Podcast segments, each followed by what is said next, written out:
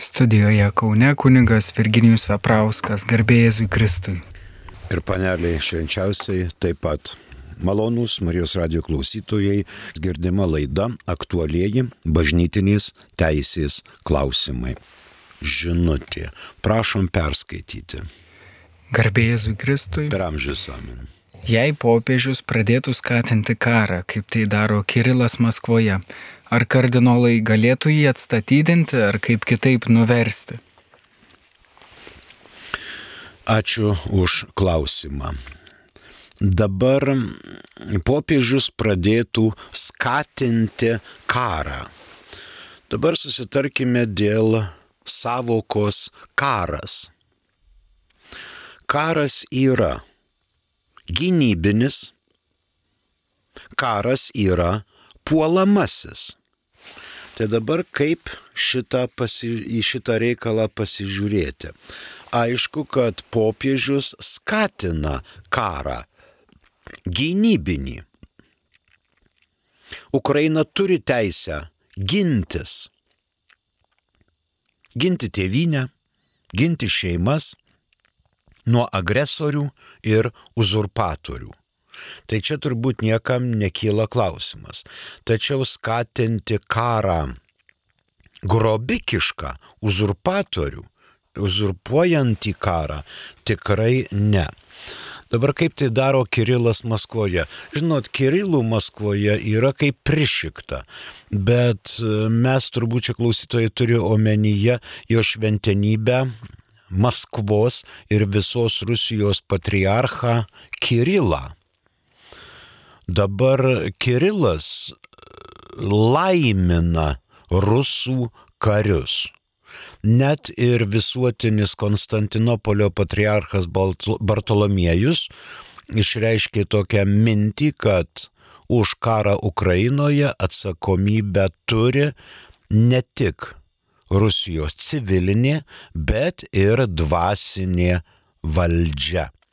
Reiškia, ortodoksų pravoslavų bažnyčia turi lygią atsakomybę už tai, kad tokį karą skatina ir laimina. Dabar dėl popiežiaus. Dabar kokiu būdu popiežius gali pradėti skatinti karą? Jeigu jisai savo darbo kambaryje pradės sakyti, kad ir gerai, ir, ir skatinu, ir tik nieko nėra tokio, būtų gali, ką būtų galima įrodyti, kokiu būdu jisai skatina.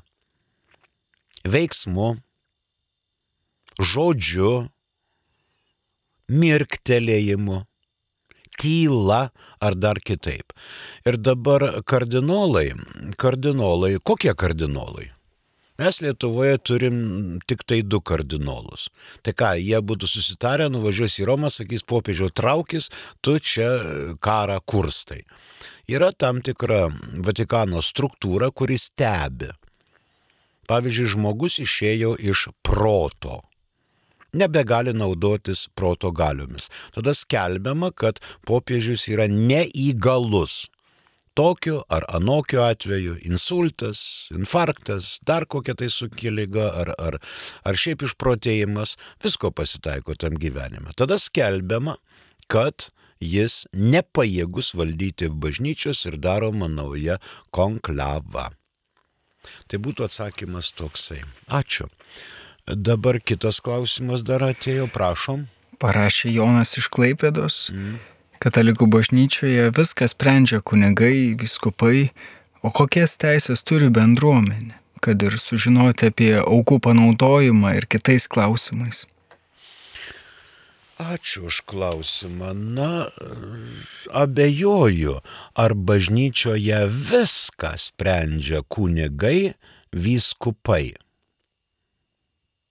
Nes bažnyčia sudaro ne vien diekonai, kunigai ir vyskupai.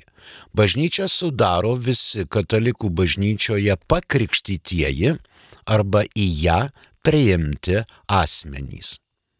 Jie sudaro bažnyčią. E, vyskupai vadovauja. Kunigai vykdo vadovavimus. Dabar kokias teisės turi bendruomenė, kad ir sužinoti apie aukų panaudojimą ar kitas, kitais klausimais. Yra sekmadienis. Susirenka tikintieji švesti Euharistijos ir rink, daromos rinkliavos. Į kraitelę. Surenka rinkliavą, klebonas prie šitos rinkliavos neprisiliečia. Ateina du, trys pasauliečiai, suskaičiuoja rinkliavą, užrašo aukos dydį į specialų lapą, pasirašo ir klebonas šitos popierius saugo. Šį sekmadienį, aną, praeitą, kitą, sekantį e, bus rinkliavos daromos, yra daromos ir visi šitie dalykai yra fiksuojami.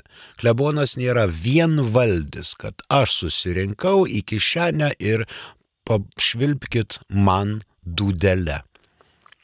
Ką noriu, tą darau. Ne, renkliavos yra surašomos. Dabar pasižiūrėkime į kad ir tą patį 212 kanoną. To jaus. Jis turi tris paragrafus. Kristaus pirmasis. Kristaus tikintieji suvokdami savo atsakomybę įpareigojami krikščioniškai klusniai laikytis to, ką šventieji ganytojai, kiek jie atstovauja Kristui, skelbia kaip tikėjimo mokytojai ar nusprendžia kaip bažnyčios vadovai. Pirmas, mato, tikėjimo klausimai čia iš karto ateina. Antrasis paragrafas, Kristaus tikintieji gali išsakyti bažnyčios ganytojams savo poreikius, ypač dvasinius, ir savo pageidavimus. Trečias paragrafas, jie turi teisę, o kartais ir pareigą pagal savo išprusimą kompetenciją ir autoritetą pareikšti savo nuomonę šventiesiems ganytojams apie reikalus susijusius su bažnyčios gėriu ir ją pranešti kitiems tikintiesiems. Išlaikydami tikėjimo ir doros grinumą bei pagarbą ganytojams ir atsižvelgiant į bendrąją naudą bei asmenų orumą. Taigi jie turi teisę, o kartais ir pareigą, jeigu pribrendo reikalas. Čia 212 kanonas katalikų bažnyčioje. Tai toks būtų atsakymas. Ačiū.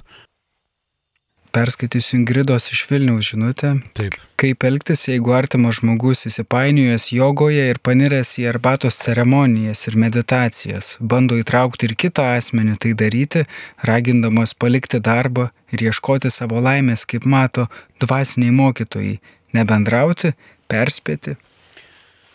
Katalikai, pakrikštyti katalikų bažnyčioje arba ją priimti, rado vieną triasmenį Dievą ir šito tikėjimo laikosi.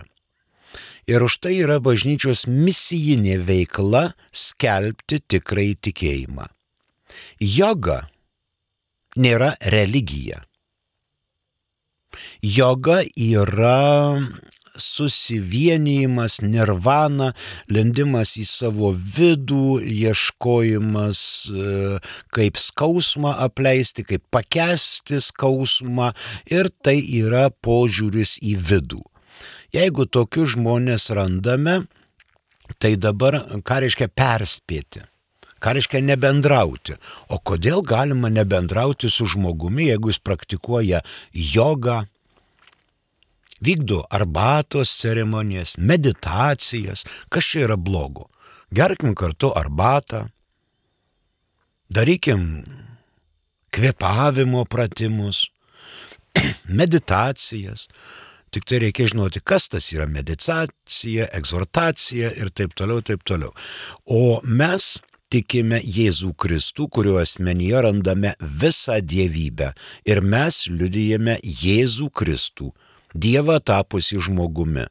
Dievas padarė daug žmogui, sukūrė pasaulį. Ir Dievas ant kryžiaus atpirko mus, kad galėtumėme mes naudotis malonėmis ir pasiekti išganimą. Be bažnyčios nėra išganimo. Čia plačiaja prasme taip. Sakramentai, šventųjų mišių auka ir taip toliau. Ačiū, mums paskambino, taip, prašau. Paskambino Antanas iš Kauno. Klausom. Labas jūsų. vakaras. Labas. Gerbiamas kunigė, ko gero jums teko skaityti popiežiaus Jono Pauliaus antrojo dokumentą, ko siekia ir vienas blokas, ir kitas geopolitikos klausimais. Dabar aš girdžiu ir iš jūsų, iš kitų kunigų, tik į vienus vartus. Jūs turit plačią panoramą nušvies, ko siekia kapitalistai, ko marksistai, jūs turite tą visą lauką. In- Mes grįžom prie šaltojo karo laikų. Kodėl apie tos blo, du blokus nekalbat? Apie šitą, kad ginklai yra blogis. Va bažnyčia, jūs dvasininkai nešviečiat. Imkim popiežiaus Jono Pauliaus, kiek yra iš enciklikų, jokio testinumo. Kažkokias nesąmonės šnekat. Paulius, Jonas Paulius II ir Paulius VI minėjo kitus. Čia nieko panašaus. Kažkokį nupezusi Romai situojat, kuris neturi pagrindų, jūs prašom vadovautis tikruoju bažnyčios mokymu. Jau viskas? Taip trumpai. Antanai, viskas yra gerai. E, Paskaitykite pradžiai jo šventenybės popiežiaus Leono XIII encikliką Rerum Novarum kuri buvo paruošta turbūt ir nespėta atspausinti, dvi savaitės pavėlavo ir Karolio Markso ir Friedricho Engelso čia Das Kapital. Tai va jau Leonas XIII ir visi kiti popiežiai rašė enciklikas socialinių klausimų, imperialistinių klausimų, kapitalistinių klausimų ir visais kitais klausimais. Dabar jūs pamenate, kad e, buvo toksai šviesios atminties monsinjoras Alfonsas Varinskas. Jis, aišku, buvo seminarijos nebaigęs, bet iš, iš vyskupo Ramanausko prieimė šventimus kalėjime. Jis buvo uolus kovotojas, jam palauk nebuvo, jis turėjo savo tvirtą stuburą ir e, buvo kaip ir grafas, šitas kunigas Lelešius, Justinas turėjęs tokią mintį, kad šitie šikindriskiai mums nevaldys. Mes eikim ir kovokim. Eikim ir kovokim. Tai va, jisai turėjo ir dabar, kai jį teisė, kai jį teismuose, jeigu jis būtų paskaitęs 1934 metų Kauno arkivyskupijos, kuriai jisai priklausė, sinodo nutarimus, ten buvo vienas punktas, kad reikia kunigam kalbėti apie socializmą ir apie komunizmą. Jis turėjo šitą knygutę parodyti teismui ir sakyti, aš vykdau sinodo nutarimus, kurie galiojo formaliai iki 1997 metų, iki Kauno antrojo sinodo nutarimų. Tai kunigai buvo įpareigoti. Čia buvo toks kunigas Tamkevičius, Zdebskis, Kauneckas, dabar čia vienas kardinolas, kitas vyskupas, kitas numiręs, tai jie irgi kovojo ir šnekėjo, bet jiem reikėjo kaip figos lapų prisidengti ir sakyti, tai yra sinodo nutarimai, reikia kalbėti. Dabar Antanai, ginklai. A kas jums pasakė, kad ginklai yra blogis? Nuo kada ginklai yra blogis? Ginklai yra absoliutus gėris. Jeigu ukrainiečiai neturėtų ginklų, tai kuo jie, kokiais jie lampasais e, stovėtų prieš tankų kolonas? Ginklų reikia apginti save, savo šeimą, savo vaikus, savo tėvynę, savo valstybę. Taip kad Antanai nelabai sutinku, kad čia mes nelabai šnekame ir bažnyčios socialinės mokymas visuomet pabrėžia teisingumą ir gina nuskriaustuosius. Ačiū už klausimą. Dabar dar vieną žinutę turim, prašom. Garbėzui Kristui. Ar gali gavėnioje būti švenčiama Marijos apreiškimo šventė kaip iškilmė, o gal įkeliama į sekmadienį?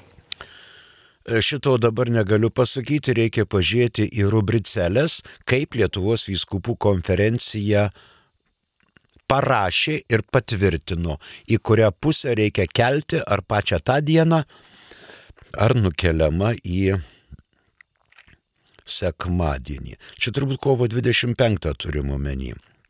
Nes gruodžio 25 kalėdos, tai va, 9 mėnesėliai ir taip toliau. Ir šitas Marijos planuotas neštumas. Planuotas neštumas. Ačiū už klausimą. Dar vieną turim. Prašom. Ką manote apie Vokietijos sinodo nutarimus? Kokia jūsų nuomonė? Ačiū. Kurio Vokietijos sinodo nutarimus? Vokietijos sinodai yra Münsterio, Padeborno, Müncheno Freisingo, Frankfurto, Dresdeno ir taip toliau. Gal jūs turite omenyje šių metų Vokietijos plenarinios sinodo nutarimus? Vienas iš tokių, na, kontroversiškų minčių tai yra, kad nuo 2026 metų sinodo nutarimų dėka bus laiminamos tos pačios lyties asmenų šeimos. Tai nebus žinoma sakramentas, bet bus laiminami. Nutarimuose tai yra. Antras dalykas - atveriamos durys moterų diekonatui. Ir trečias dalykas, kad suteikiama bus teisė pasauliečiams sakyti homilijas. Aišku, Vokietijos nuncijus kryžiuoja špagas su viskupų konferencijos pirmininku Vokietijos ir labai ten aštriai pasisako. Nes bažnyčia nuo 2021 metų popiežiaus rašto kategoriško ir anksčiau žinoma draudžia daryti bet kokią simulaciją, kuri darytų panašų santokos sakramentą į šitą vat palaiminimą. Kai susirenka bažnyčios žmonės, pabaigoje mišių kunigas laimina visus susirinkusius. Tokius, šitokius, anokius, mažučius vaikučius ir suaugusius ir taip toliau. Nedaro skirtumo. Tu gėjus, tu lesbijietė, tu homoseksualus, tu heteroseksualus, palaima siunčia. Bet kai kunigas laimina, pavyzdžiui, du vyrus prie altoriaus arba dvi moteris prie altoriaus bendram šeimos gyvenimui, bažnyčia tokių įgaliojimų neturi. Aišku, tai nebūtų sakramentas, tai būtų tik palaiminimas, tačiau bažnyčia tokių įgaliojimų neturi tą daryti. Antras dalykas dėl moterų diekonato, čia diskusinis dalykas, nes ko gero pirmaisiais amžiais kažkas panašaus buvo į moterų diekonatą. Čia su šitais istoriniais dalykais dar silpnai esu susidūręs, atsakinėti nelabai galiu. Ir trečias dalykas - pasauliečiai sako homiliją. Ačiū Dievui. Klebonas lieka tik tai prie aukos. Skaitykit skaitinius ir tada pirmin. Kažkas labai turintis įsilavinimą gali kalt pamokslą, o klebonas pasėdės ir paklausys teologinių minčių po kurių reikės iškart sakyti tikiu į Dievą tėvą, kad nesusipainotų žmonių tikėjimas, į ką jie tiki. Dabar mano komentaras dėl šito plenarnio posėdžio nutarimų. Nežinau. Kryžiuojamos špagos ir ko gero bus laikas, kai sinodo nutarimai turės būti atšaukiami arba toks lengvas skilimukas. Ačiū. Dar kitas klausimas, prašom. Protestantiškose bažnyčiose kunigo algą nustato ir kitus finansinius dalykus tvarko parapijos taryba, o pas katalikus dvasiškai algų negauna, tai iš ko jie gyvena? beje, gana neblogai.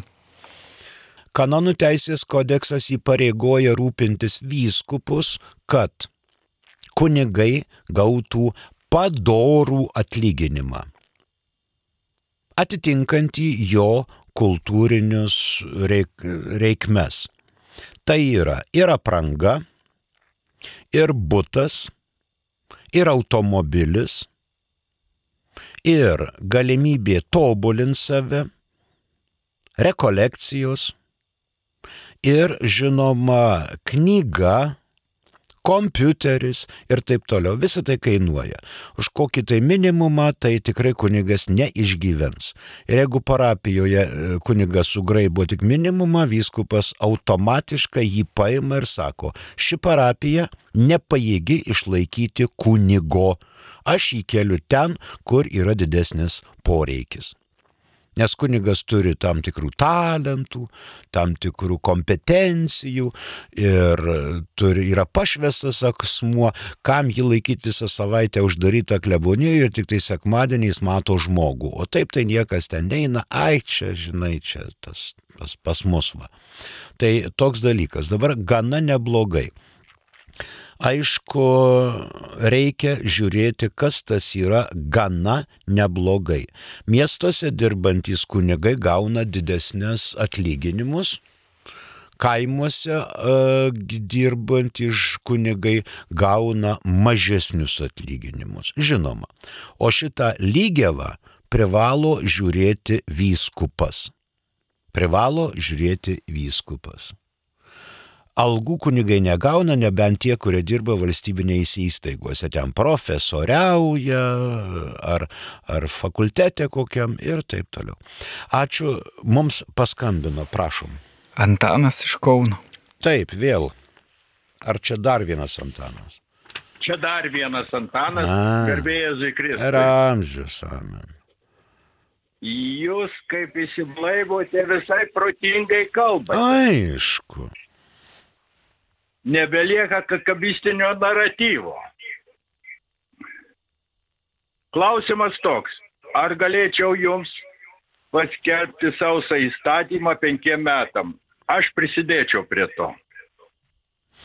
Antanai, jeigu Taip. jūs galvojate, kad alkotesteris būtinas, mano atžvilgiu. Prašom šito užsiimti, o uždėti man kaip laisvam žmogui ką nors, arba neuždėti. Ne, ne, ne, ne, jūs netaip kunigė supratote. Nu, pabandykit paaiškinti. Aš nieko neuždedu, aš kviečiu jūs penkis metus laikyti sausą įstatymą. Neįmanoma. Neįmanoma nei uždėti, supratau, nei kviesti supratau. laikytis. Neįmanoma. Sudėjau, malonu. Gal dar vienas Antanas turi kokį skambutėlį. Prašom, klausimai dar. Mėla. Ar gali katalikas priimti komuniją Pijaus 12 brolyjos aukojamuose mišiuose? Ne priimti šventos komunijos švento Pijaus 12 brolyjos aukojamuose mišiuose katalikas normaliom sąlygom priimti negali. Kadangi švento Pijaus 12 brolyje yra už katalikų bažnyčios ribų. Jeigu katalikas gyvena ten, kur per tūkstantį kilometrų nėra jokios katalikų bažnyčios, tai jisai pirmiausia eina susiranda e, pravoslavų cerkvę ir sekmadienį ten dalyvauja šventųjų mišių aukoje ten dalyvauja. Jeigu nėra pravoslavų, kokią nors rytų bažnyčią turi e, susirasti ir lankyti, jeigu tokios sąlygos yra. Paskui protestantų bažnyčia. E, kaip girdėjote prieš keletą laidų, jeigu sekmadienį neturi galimybės, tai jisai nors su bendraminčiais paskaito namuose švento rašto tekstus, pasimeldžia arba skiria laiko individualiai maldai.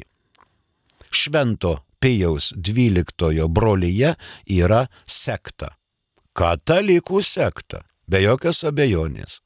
Mes jai melžiamės, dievo, melžiame Dievo malonės, kad jie atsipeikėtų, atsikvošėtų, darytų atgailą ir grįžtų į katalikų bažnyčią.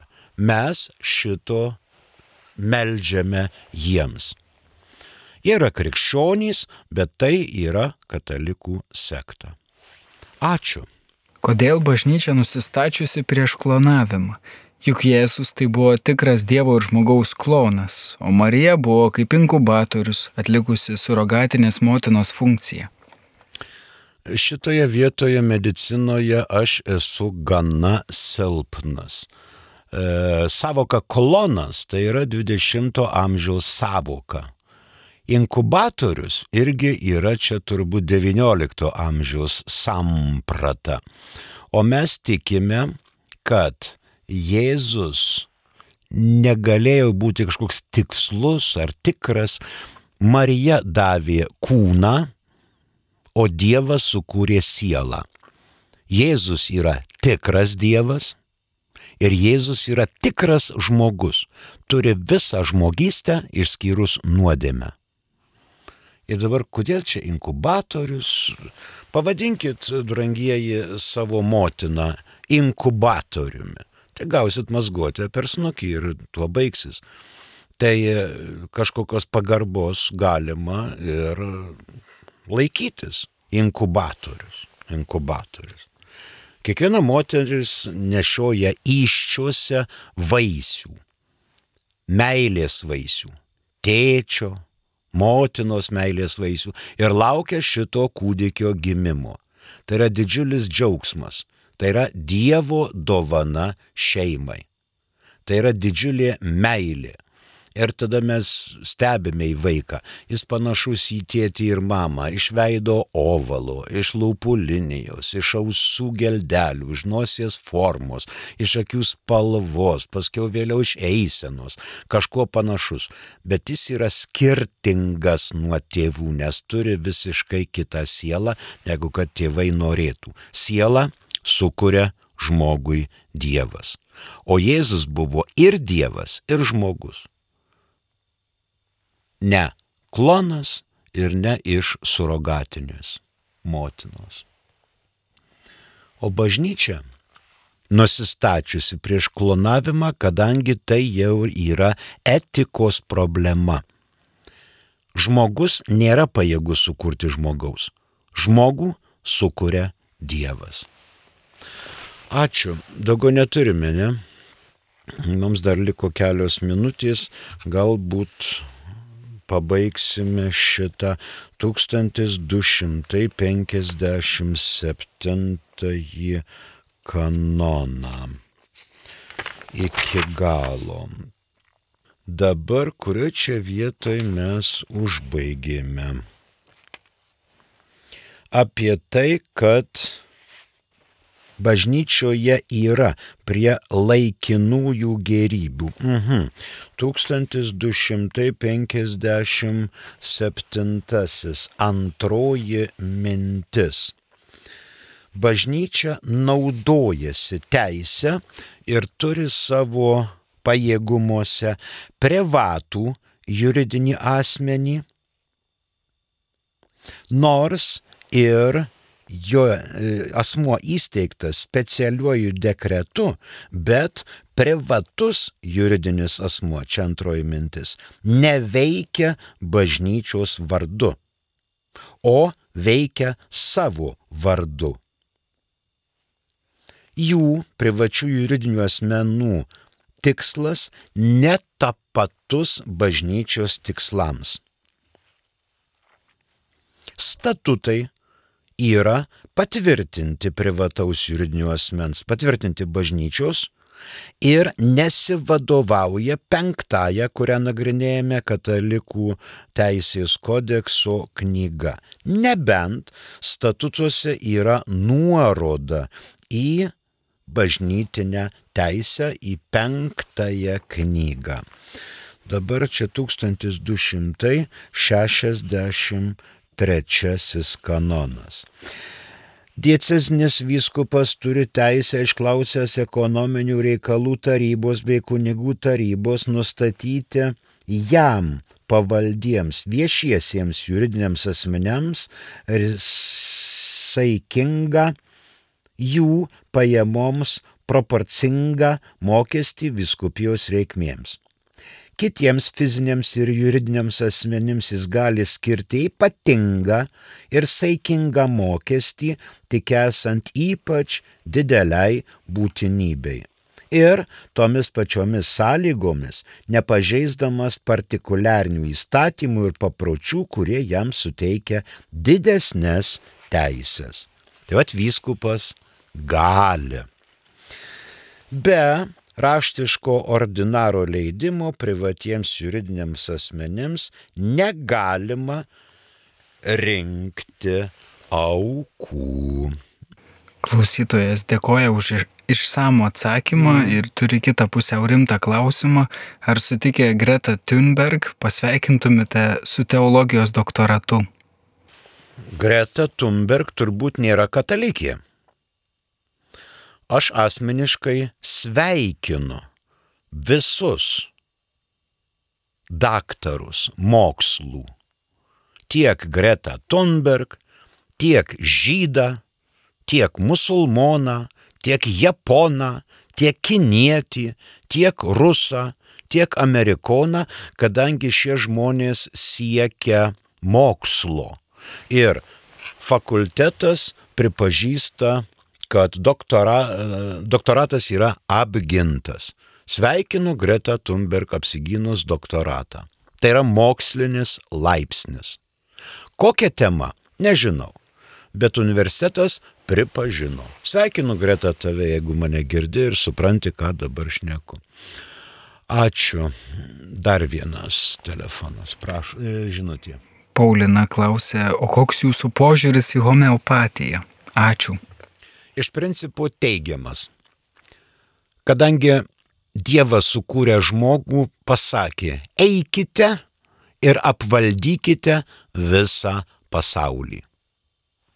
Reiškia, žmogus eina, rankioja žolelės, rankioja kreuklelės, e, paukščiukus, skrodžia, jaučius, dobę, kad išsilaikytų pats savo žmoną išlaikytų, savo vaikus ir apvaldo šitą pasaulį.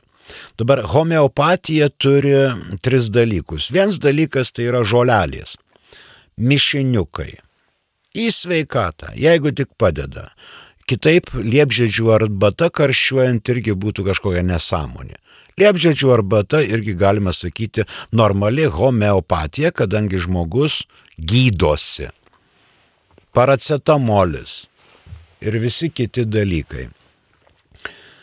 Dabar antras dalykas, kai yra žolelės, kurios sukalbėtos, užburtos, įkrautos ten energetinių dalykų, tai jau čia abejojama.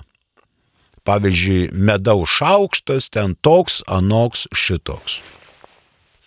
Ir trečias dalykas, kur homeopatiniai vaistai arba preparatai yra su visokio magijom padaryti.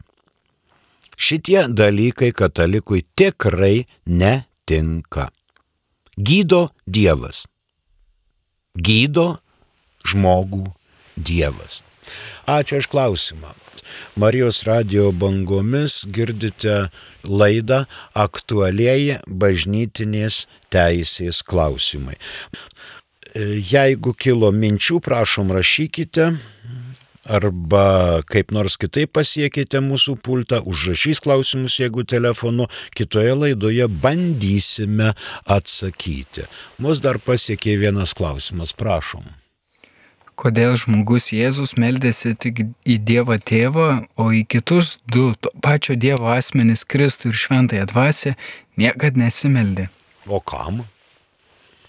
Jisai pats yra Kristus ir antrasis švenčiausios trejybės asmuo, kam jam į save patį melstis. Tuo labiau, kad e, vieno Dievo samprata yra atnešta žydų religijoje iki mūsų dienų ir iki Jėzaus dienų, o kad Dievas yra triasmenis, tai yra apreikštoji tiesa. Ir Jėzus parodė, kaip reikia garbinti Dievą tėvą. Ir be kita ko visa gali. Visa gali.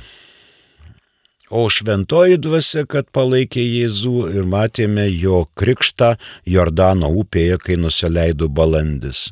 Ir daugiau vietų galima rasti šventam rašte Biblijoje apie tai. Mūsų laikas išseko, tuoj pat mus iš eterio išmes, todėl reikia baigti laidą. Ačiū Jums už klausimus. Jums ta bažnytinė teisė čia visai neįdomi, bet jeigu ir neįdomi, prašom ir toliau klausti, bandysim atsakyti į jūsų klausimus. Prie mikrofono dirbo kunigas Virginijus Vaprauskas, ačiū ir sudie.